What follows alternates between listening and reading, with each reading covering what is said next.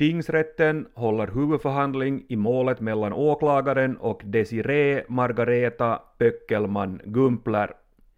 Pöckelman Gumpler. Ja.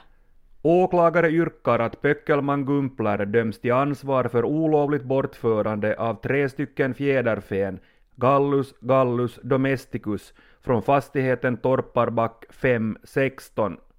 Natten till den 28 september år 2022 har Pöckelman Gumpler med uppsåt medels nödig befunna tillbehör bortfört objekten och sedermera till äventyrs utan adekvat orsak även åsamkat tuppen Gallus en skada på gässan medels oidentifierat tillhygge.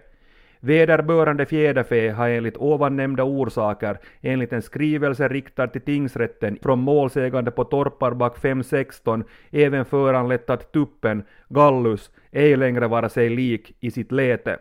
Som lagrum åberopas 17 kapitlet, femte paragrafen, detta skall lända till efterrättelse. Hur svarar Pöckelman Gumpler? Ursäkta?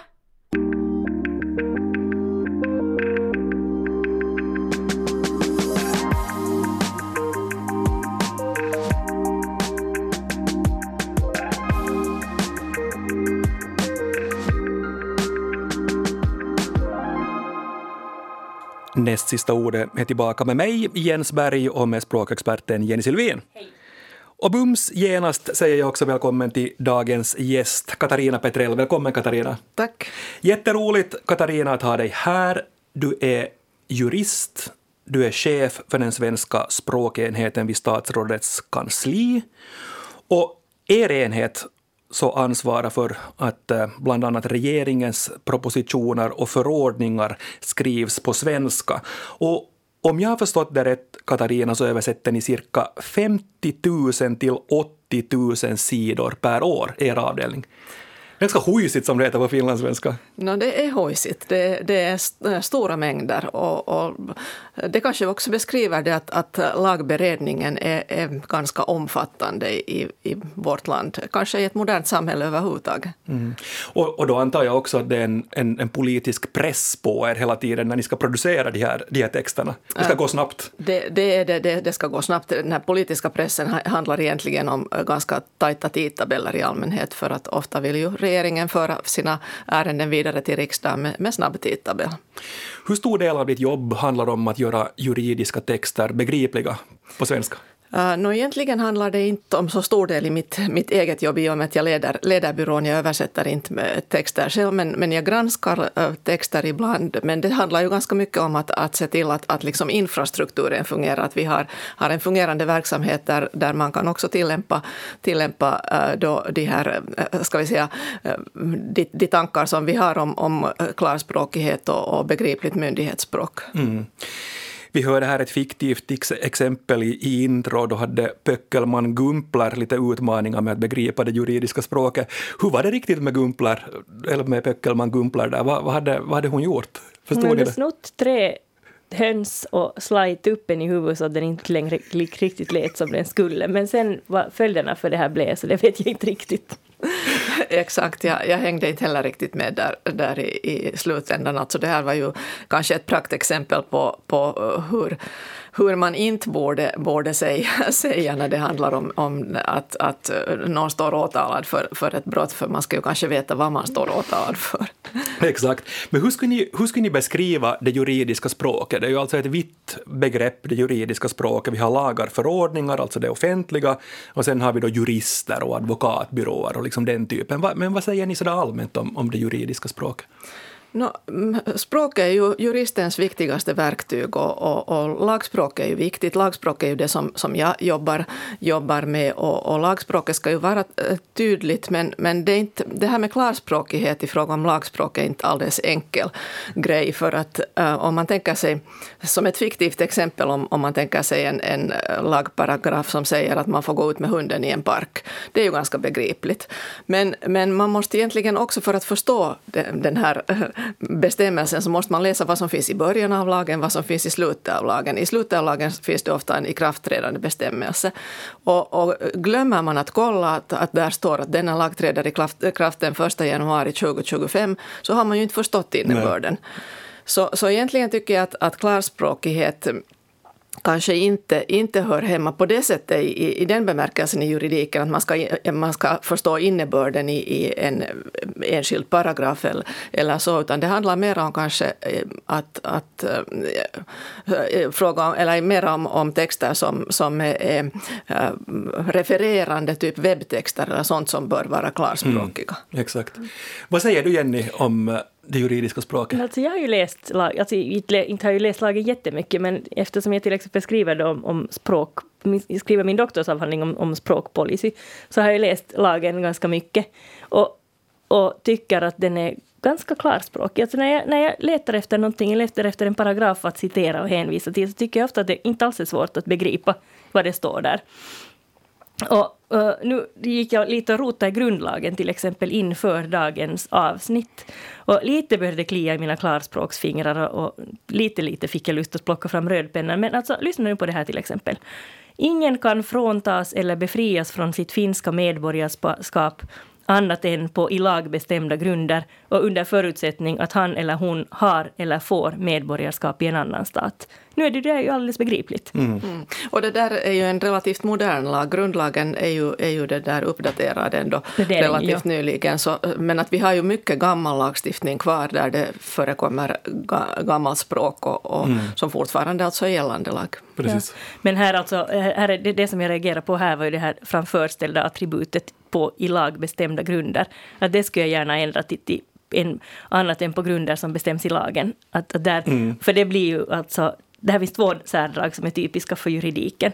Det ena är just det här framförställda attributet och det andra är nakna substantiv. Och framförställt attribut är just det här att man säger annat än på, på i lag bestämda grunder, alltså att man har attributet, mm, det vill säga tillägget exakt. till substantivet före substantivet. Ja. Och det här kan vara jätteenkla, det kan vara fråga om ett rött hus och då är ju röd ett mm. attribut till huset som ställs framför. Mm. Och är det ett enkelt attribut så då är det här lätt, men blir det liksom en, en nästan en sats en, en egen liten fras framför substantivet, mm. så då mm. blir det krångligt. Mm. Men du sa nakna substantiv också? No, nak, nakna substantiv, alltså en på i lag bestämda grunder. Alltså lag betyder att i en lag eller i lagen, att man borde liksom, man använder substantiv i obestämd form. Där man, det skulle vara liksom mer naturligt att säga antingen då mm böja det i bestämd form eller då sätta en lag ja, framför. Ja. Och jag vet inte varför, de nakna substantiven vet jag inte varför de är så omtyckta särskilt inom juridiken. Nej. Men det är typiskt för juridiskt språk ofta. Mm. Nej, för att jag, jag, hade, jag hade i mitt tidigare, tidigare jobb ganska mycket kontakt och ganska tät kontakt med, med flera jurister. Då var det ganska tråkiga sammanhang. Det handlade om samarbetsförhandlingar eller omställningsförhandlingar heter det väl nu för tiden inom den privata, privata sektorn. Och det som jag tyckte var intressant då var att när jag talade med mycket jurister så då hade jag ofta lätt att begripa vad, vad hen sa till mig. Men sen när vi, det som vi hade talat om skrevs ner, så då tycker jag att det blev krångligt. Och, och det jag noterade och, och det här, nu ska jag inte dra alla, alla jurister över, över en kam, det ska jag definitivt inte, inte göra. Men, men då kom ofta många sådana små ord in som jag tyckte var onödiga. Det kom således, ehuru, eljest, annorledes, där jämte, vederbörande, ovan nämnda. Liksom den här typen av, av ord. Känner du Katarina igen det här när jag säger det? Mm, jag känner igen det nog och, och, och, ibland är det ju så att de här så, småorden, således och ovan nämnda, kan behövas för att klargöra sambanden i texten att, att de har liksom en funktion där. Men att sådana ord som ehuru till exempel, så det, det, tror jag nu inte att man kanske använder, använder i skriven text om inte man citerar en gammal lagparagraf där det står så. Mm, exakt.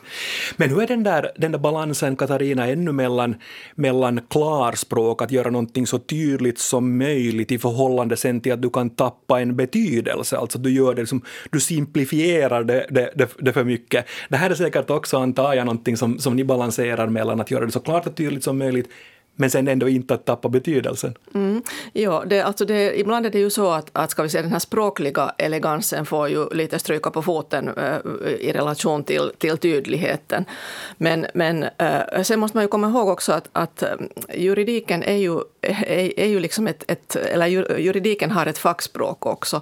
Och, och, och det, det, är alltså man behöver det här fackspråket, till exempel för att en högre domstol ska förstå vad, vad det handlar om i en, i en dom. Att om man nu jämför till exempel med en, en läkare som beskriver en operation så, så äh, läkaren skriver ju inte att, att patienten hade ont i huvudet och, och, och, vi opererar ut en växt utan det beskrivs nog på ett, på ett sånt sätt som ska vi säga det skrået förstår mm. exakt vad det handlar om. Så det här, det här gäller också för det juridiska fackspråket. Mm. Du, du Jenny, undervisar juridikstuderande också i att, i att kunna skriva vetenskapliga texter. Har du noterat någonting att det, att det kommer in juridiska i en tidig ålder? Ja, alltså både och. Alltså, jo, det finns en sån här viss, man blir liksom inskolad i ett visst sätt att skriva. Och, och, men sen, och det här är en sak, alltså man blir inskolad till att använda vissa termer. Och så finns det också hos en del en tendens att vilja uttrycka sig pompöst.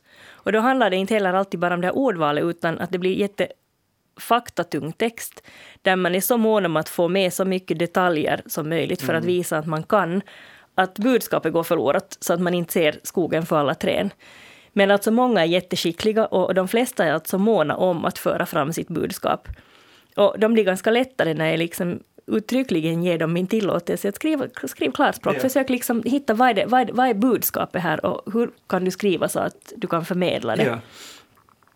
För, men men alltså det krävs mod för att uttrycka sig enkelt. Och, och det här märkte jag redan alltså när jag jobbade som journalist, att sitta, har man suttit någonstans och tagit reda på någon fullmäktige beslut så måste man ju verkligen för att kunna uttrycka sig tydligt måste man försöka avkoda och tolka det man har mm. läst mm. eller hört. Och för att kunna göra den här tolkningen måste man ju vara riktigt, riktigt säker på att man har förstått. Ja. Och det är krävande, det är svårt det här, så egentligen är det liksom lättare att skriva krångligt. Det är svårare att skriva enkelt, men när jag, när jag säger åt studenterna att, att vara modig här, gör din egen tolkning och om, om du behöver så fråga en studiekompis, fråga en professor, fråga någon. Att, mm. har, har, jag, har jag förstått det rätt om jag säger så här? Och de flesta tycker att den här den här utmaningen är värd att anta och, och studenterna är jätteambitiösa, de är jättemåna om, om sitt sätt att kommunicera. De vet att språk är juristens bästa verktyg, så de, de vill nog. Mm. Men, men just det här, sen vågar man kanske inte förenkla tillräckligt mycket därför att det ändå finns en tendens inom skrået att krångla. Ja. Att, att våga vara den här som djärvt bryter mot en konvention kan vara ganska tufft. Ja. Mm. Ja, och sen är det ju också det att man kanske är omgiven av ganska många texter som har ett, ett, ett gammaldags språk och, och, så. så att, eh, om vi tänker nu på det som jag sa tidigare här, att, att lagstiftningen innehåller en, också en massa gammal, eh, gammal text med, med det där språkliga konstruktioner som, som vi inte skulle använda idag. Men det är alldeles som du säger, min upplevelse är också den att, att jurister vill nog skriva klart och, och tydligt och, och en, en yrkeskunnig jurist ska ju nog också behärska den här moderna svensk, juridiska svenskan. Mm. Och nu händer det ibland, alltså, om, om jag tänker nu på sådana här krånglande studenter och kanske då juriststudenter i, framför allt. Så nu, det händer att det finns någon som, som, är lite, som lite omhuldar det här krånglet. Men de flesta är nog jättetacksamma över att man bråkar med dem och säger att du har en tendens att krångla till dig i onödan. Titta, titta hellre på grundlagen än på någon mm. 1700-talsparagraf. Vi ska ta in publiken här nu också. Vi, vi frågar er i publiken, vad har du hört jurister använda för ord som ingen annan använder? Och det blev en livlig diskussion om till exempel ord som adekvat och eljest. Vissa tyckte att de här orden är ren juridiska, medan andra skrev sen igen, nej men de här är ju helt vardagliga ord för, för dem. Vi ska ta några, några kommentarer här. Ida skriver Ohemult och Löskerman är ett par klassiker för skrået, i det sistnämnda fallet mera i fråga om humor. Och sen använder vi förstås en mängd latinska uttryck såsom de lege lata, e contrario, pacta sunt servanda med mera. Vi tar följande här. Kerstin skriver om skuff, när man ber om mera tid för att förbereda ett ärende. Vår jurist använder det när han hos myndigheter använder ansöker om mera tid, exempelvis vid en bouppteckning, så då är det en skuff, skriver Kerstin. Carola sen i en underskottsgottgörelse, härligt ord i ett korsord, underskottsgottgörelse, används som skatt skattesakkunniga, används av sak, skattesakkunniga, skriver Carola. Och Meri skriver till fyllestgörande, ärendet är till fyllestgörande behandlat. Det är ganska festligt, inte? Det betyder att nu har, vi, nu har vi behandlat det här tillräckligt. Är det det det betyder? Jag tror det, att nu är det klart. Ja. Mm. Sen, sen är det här intressant och här behöver, behöver jag Katarina din, din hjälp. Det är flera som skriver in om ordet lagrum. Joakim till exempel så här. Jag tycker mycket om ordet lagrum. Det ger mig helt andra konnotationer än vad det egentligen betyder på juridiska. Det låter ombonat och omhändertagande, kanske för att det påminner om lagom. Och Hanne kommer in här sen också. Jag använder ordet på jobbet. Bra och kort ord som beskriver någonting som annars kräver många ord om det ska ersättas. Katarina Lagrum, vad är det? Mm, det låter ju faktiskt ganska mysigt, men det är ett ganska viktigt ord. Det motsvarar alltså en regel i en, i en lag. Ofta är det fråga om en paragraf eller ett moment i en paragraf som man hänvisar till. Okej, okay. så det är liksom ett samlande begrepp egentligen? Det, det, är ett samlande begrepp för, för till exempel om, om det handlar om, om eh, stöld eller så, så, så det, det eh, lagrummet där det bestäms om, om straffet för stöld till exempel, så det, det, det det är den, den paragrafen. Ja. Så det handlar alltså helt på något sätt fysiskt om en plats, att den här rumsligheten jo. finns där i ordets betydelse. Precis. Fint. Uh, sen ännu en fråga, Katarina, som kommer direkt in till dig här också. Det är Kjell som frågar avvittring. Kan du förklara vad det betyder? Ja, det handlar om att, att dela upp egendom till exempel. I äktenskapslagen och, och, och ärvdabalken så, så finns det bestämmelser om, om avvittring, det vill säga att dela upp egendom mellan, mellan, det där eh, sina, mellan makar, makar till exempel. Och det här är ju ett ord som, som förstås inte skadar att, att kunna om det är så att man är intresserad av att dela upp egendomen mellan makar. Så då, då är det bra att veta att det heter avvittring och då kan man läsa den paragrafen där det står om avvittring. Nu kan jag säga att ärendet är till fyllestgörande behandlat. Tack, Katarina. Men alltså jag har en gång, en gång brutit arm med en grupp juriststudenter, juridikstudenter en gång om det här begreppet äkta makar. För jag, jag ifrågasatte det här, att behövs äkta eftersom makar är per definition gifta, annars är man sambor eller sen har man ett förhållande som inte inverkar på en civilstånd. Och, och jag tyckte, men och, ja, att det finns ju ingenting som heter oäkta makar, så då borde ju äkta då i så fall vara överflödigt. Men de här juristerna sa att nej, nej, att, att nej, att man, man skriver, alla säger alltid äkta makar, så att det är nog det vi ska göra. Och sen var vi faktiskt på besök just hos er på statsrådets translatorsbyrå. Då tänkte jag nu passar jag på att fråga att hur är det? Och då var det just någon av era, era jurister som genast sa nej, nej, att inte finns det ju några oäkta makar heller. Så, att, så att det här äkta är helt överflödigt. Ja. Jag kände mig lite så här, ja, ja. Jo, fast, fast jag, om jag nu får ännu lägga till någonting till det här så, så det är inte all, riktigt lätt för att man måste på sätt och vis också tänka på det att vi lever hela tiden med den finskspråkiga verkligheten. Att i finskan när man talar, talar om puoliso så kan man mena både äkta makar och samboende. Men, men, men vi, på svenska så, så för att tala om då personer som är gifta så, så kanske i vissa vissa sammanhang behöver man använda det där äkta make. Ofta är det överflödigt men i vissa sammanhang kan det vara alldeles nödvändigt för att veta att man talar om, om gifta personer. Men jag tänker å andra sidan att på finska så talar man om å ena sidan aviopuoliso och å andra sidan avopuoliso. Och där, det är också lite lurigt för där är det faktiskt bara en bokstav som skiljer. Mm. Precis. Medan på svenska så finns ju alltså faktiskt sambor som alternativ och då är ju makar implicerar äktenskap. Men, men mm. Jag, då ska jag sluta bryta arm om det där äkta. Publikfrågan som löd alltså... Det ska inte vara alltså en maktkamp. jag måste ta en kommentar ännu. Publikfrågan som löd alltså, vad har du hört jurister använda för ord som ingen annan använder? Och Joakim skrev in här, jag tar sen 250 euro i timmen.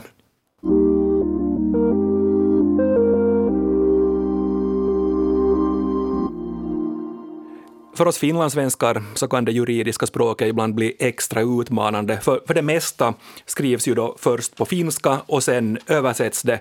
Och då kommer vi tillbaka till, till det här också, att vem är målgruppen, eller målgrupperna, mottagarna av de här texterna? Vem, vem ska begripa?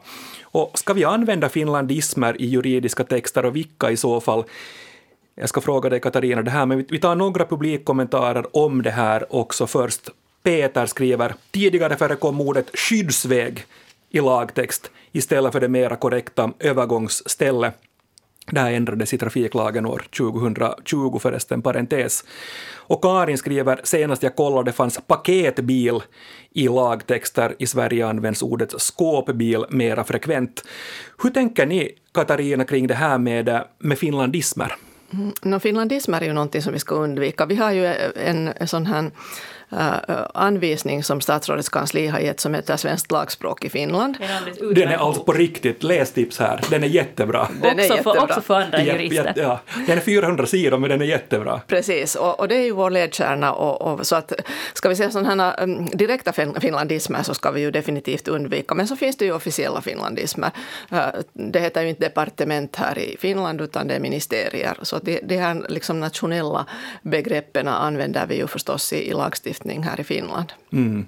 Och civiltjänstgörare kanske för att det finns Precis. i vårt samhälle och sånt måste, måste finnas. Men gamla som alena och nejd och, sånt där så försöker ni undvika? Det försöker vi undvika. De här är ju såna, liksom, ska vi säga allmänspråkligt också föråldrade så att det mm. försöker vi undvika. Mm. Och inte sakenligt alltur eller årssemester heller, sådana som är direkt, direkta översättningar från, från finskan. Precis. Men hur jobbar ni Katarina för att förenkla språket? Vad, vad gör ni när du leder verksamheten där? No, alltså, vi följer ju förstås då svenskt lagspråk i Finland som, som ger oss ganska bra verktyg för också hur man förenklar, förenklar språket och skriver ett klart och, och begripligt myndighetsspråk. Uh, den här, när det handlar om, om lagtexter så, så uh, det handlar kanske om, om närmast om, om sådana uh, eh, ska säga, språkriktighetsregler. Vi försöker använda sådana satskonstruktioner som är begripliga och så. Men, men vår ledstjärna i, i fråga om lagspråket i Finland är ju lagspråket i Sverige. Vi, vi försöker så långt som möjligt använda rikssvensk terminologi. Och, och, det här är ju inte alltid alldeles lätt för att lagberedningen eh, i Sverige och Finland går inte alltid hand i hand. Det kan hända att, att vi behöver ett begrepp innan det har lagstiftats om det i Sverige och, och så. Och om jag nu nämner som ett exempel på den här problematiken så, så till exempel det här finska äh, ordet lähestymiskielto som heter besöksförbud i, i vår lagstiftning här. Och det har vi tagit från Sverige i tiderna. Men nu har man då i Sverige redan ändrat det här besöksförbudet till kontaktförbud. Men vi har fortfarande besöksförbud i vår lagstiftning. Och vi kan inte, inte göra någonting åt det här besöksförbudet så länge som, som den här lagen inte ändras. Men när, när, lagen om besöksförbud ändras så kan vi ändra det enligt svensk modell till, till kontaktförbud.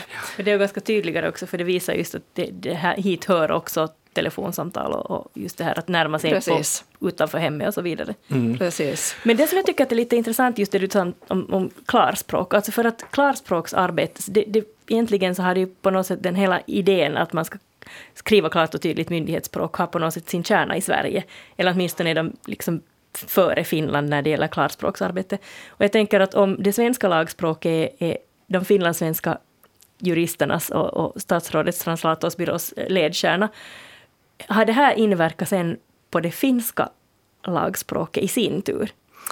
No, ska vi säga som så att, att kanske, kanske man har vaknat upp nu i, i det finska Finland till, till eh, det här att, att eh, myndighetsfinskan inte automatiskt är enkel och, och, och begriplig. Att, att det, det är någonting som, som förstås äh, Språkinstitutet har, har det där förstås hållit, hållit framme hela tiden och, och, men att det börjar finnas en insikt också bland lagberedare om att, att det här inte är alldeles självklart att, att när man skriver så som man är van att skriva att det blir klart och begripligt. Men att äh, på finlandssvenskt håll har vi ju följt den svenska diskussionen redan i, i årtionden så att vi, vi är steget före faktiskt där också. Så att det blir så här att titta, oj titta här den svenska versionen den är ju lite mer lättläst, att vad vi också skulle skriva. Precis. Mm. Det handlar ju inte bara om språkriktighet heller för oss finlandssvenskar, det kan handla om rättssäkerhet ibland också. Om jag lite, inte mycket överdriver, så kan det ibland handla om, om liv och död. Det var ett exempel här från, från Åland när en jurist märkte att en paragraf om specialomsorgen var olik på, på svenska och finska. Det här kommer du säkert ihåg, jag vill minnas att du, du, du, du uttalade dig här om, om, om det här också i andra, i andra sammanhang specialomsorgen och det handlar om hur, hur länge en patient kan vara fastbunden. Och I den finskspråkiga lagtexten så stod det att vårdpersonalen ska bedöma om klienten fortfarande behövde vara fastbunden med högst två timmars mellanrum. I den svenskspråkiga texten stod det bara med två timmars mellanrum och det här skapade olika praxis. Det här är säkert mardrömmen för er, antar jag, när sånt här händer. Äh, det är det förstås. Äh, om, om jag nu kommer rätt eh, eh, ihåg just det här fallet så, så var det en massa olyckliga omständigheter som ledde till det här, bland annat en, en otrolig brådska och det att, att den här lagen, äh, när den bereddes så, så det, det, texten levde hela tiden och det var många, många översättningsversioner. Och, och, så, och jag tror att det här också var en sån text som aldrig hann laggranskas. Mm. Så då, då, kan det gå så här, och det, det, var dessutom i slutet av förra regeringsperioden när det alltid är särskilt bråttom. Jag vill ju inte på något sätt nu ursäkta mig här, men, men, det där, men, men sånt här kan hända när man nu tänker på de volymerna som vi har. Och, och, och, det där. och sen är det ju i sista hand förstås alltid lagberedaren som ansvar för att den, äh, ansvarar för att den svensk och finskspråkiga texten är, är likadan. Mm. Och om inte lagberedaren sen har haft tid att, att eh, jämföra de här texterna så då, då kan det gå på det här sättet. Och då ska vi komma ihåg också att det jag, det jag sa i inledningen här, 50 000 till 80 000 sidor text per år. Det är ganska många böcker. Men ännu, Katarina och Jenny, om man nu exempelvis lyssnar på det här och, och, står i beråd att skilja sig eller dela på ett arv eller, eller annat som livet kan, kan föra med sig. Man är i kontakt med en jurist, man förstår inte vad, vad juristen säger eller, eller skriver. Vilka, vilka tips har ni? Vad ska, man, vad ska man göra? Om det går som för Pöckelman Gumplar i inledningen här. No, för det första ska man eh, fråga och, och, försöka få juristen att, att, för, eh, att beskriva det så att man förstår det. Och jag skulle nog säga att de flesta jurister, om du vänder dig till exempel till en, till en advokat, så nu kan de förklara det åt dig. Så även om de kanske skriver de här eh, inlagorna till rätten på ett mer komplicerat språk, men nu kan de förklara för klienten vad, vad det handlar om. Och sen om man inte är nöjd med juristen så byter man jurist och går till en annan istället. Det är samma, samma tips skulle jag också ge, att, att fråga. Det, det är ju det här att, att förenkla kräver mod, att fråga och visa att man inte förstår kräver också ett visst mod. Men, men det är väldigt, väldigt viktigt att man förstår det som sägs. Mm. Och där är ju också tillbaka till det där att, att vem är de facto mottagaren? Och det där är nog en intressant fråga också, att om man, om man skriver en text för mottagaren som är då liksom den vanliga Matti Meikäläinen på, på gatan, eller skriver du till en juristkollega för att det också ska kunna vara i högre instanser sen? Jag tänker att det finns det är en jättestor skillnad just det finns ju så enormt många genrer som jurist, jurister uttrycker sig både i tal och skrift inom.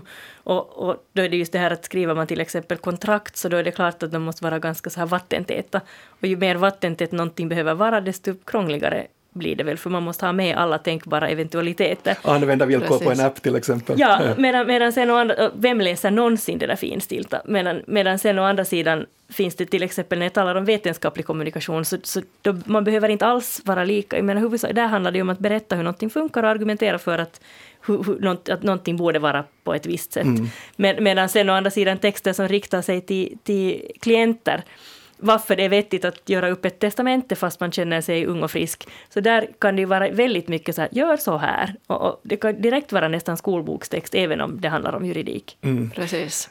Och jag, jag har också fått det tipset någon gång att när man skriver myndighetstexter så är tumregeln att man ska använda mellan 10 och 25 ord per mening. 15 till 30 brukar jag undervisa, men där ser man att mm. det, men det är ju ändå ett, ett spektrum som är ganska brett. Ja, så det är en mm. ganska bra tumregel att hålla sig till. Efter det så kan det bli mm. krångligt. Ja, och sen en annan att öka mm. mängden verb. Att om man märker att det är jättemycket substantiv i en text så kan det säga att, vet du, um, ja, nu, liksom om det finns jättemycket substantiv och eventuellt adjektiv i en text så kan man försöka få in lite mer verb. Gör som tyskarna, sätt alla verb på slutet. Nej, det är inte, det är inte bra. Men det här kanske inte är så lätt när det gäller eh, lagspråket, uttryckligen paragraftext, för att, för att där är vi ju bundna av, av, det, av finskan och, och vi har en sån här ja, det är kanske en oskriven regel, men i varje fall en regel att inte bryta upp en, en finsk mening i två svenska mm. meningar. För, för att om, om till exempel man någon gång hänvisar till, till en, en viss mening i en annan lag, i, i, så, så kan det vara så att om, om man sen, sen det där har två meningar på svenska så blir det inte rätt hänvisning på, på svenska. En, en legendarisk kollega har en gång uttryckt det som så att det är som att dansa balett i en plåtburk, att, att producera svensk lagtext uppväxt i, i Finland och jag tycker det är ganska beskrivande. Man ska göra det så snyggt som möjligt men utrymme är inte så jättestort. och ibland kan det bli lite skramligt. Dags för det bortglömda ordet och idag har jag plockat med mig ordet lösmynt. Använder ni ordet lösmynt? Nu har jag använt det någon gång. Ja. Jag skulle också kunna tänka mig, jag är inte främmande för att använda ordet lösmynt. Inte alls. Nej. På tal om någon som är lite så här, pratar bredvid mun är lite lite, så här Så det skvallrar. skvallerbenägen. Ja, jag tycker om det då och jag tycker vi ska använda det mera. Mynt som har alltså då med, med, med munnens egenskaper att, att göra på, på, något, på något sätt. Har mynt finns också då, och lösmynt och uppbyggt då på samma sätt som andra, andra ord med, med kroppsdelar. När kroppsdelar är en efterled som då bredbent, vindögd, godhjärtad och så vidare. Lösmynt är, är veckans ord. Det är bra, jag tycker det är så roligt för de andra så har ju direkt med, med utseendet att göra så här bredbent Mm. och så men, medan lösmynt är mer en, en egenskap. En, en pladdrig mun. Så är det. Tack Katarina Petrell för att du besökte oss idag. Tack. Och tack för alla kommentarer om det juridiska språket. Fortsätt gärna att skriva oss på adressen nastsistaordet at yle.fi. Men nu för denna gången säger Jenny och Jens Morgens. morgens.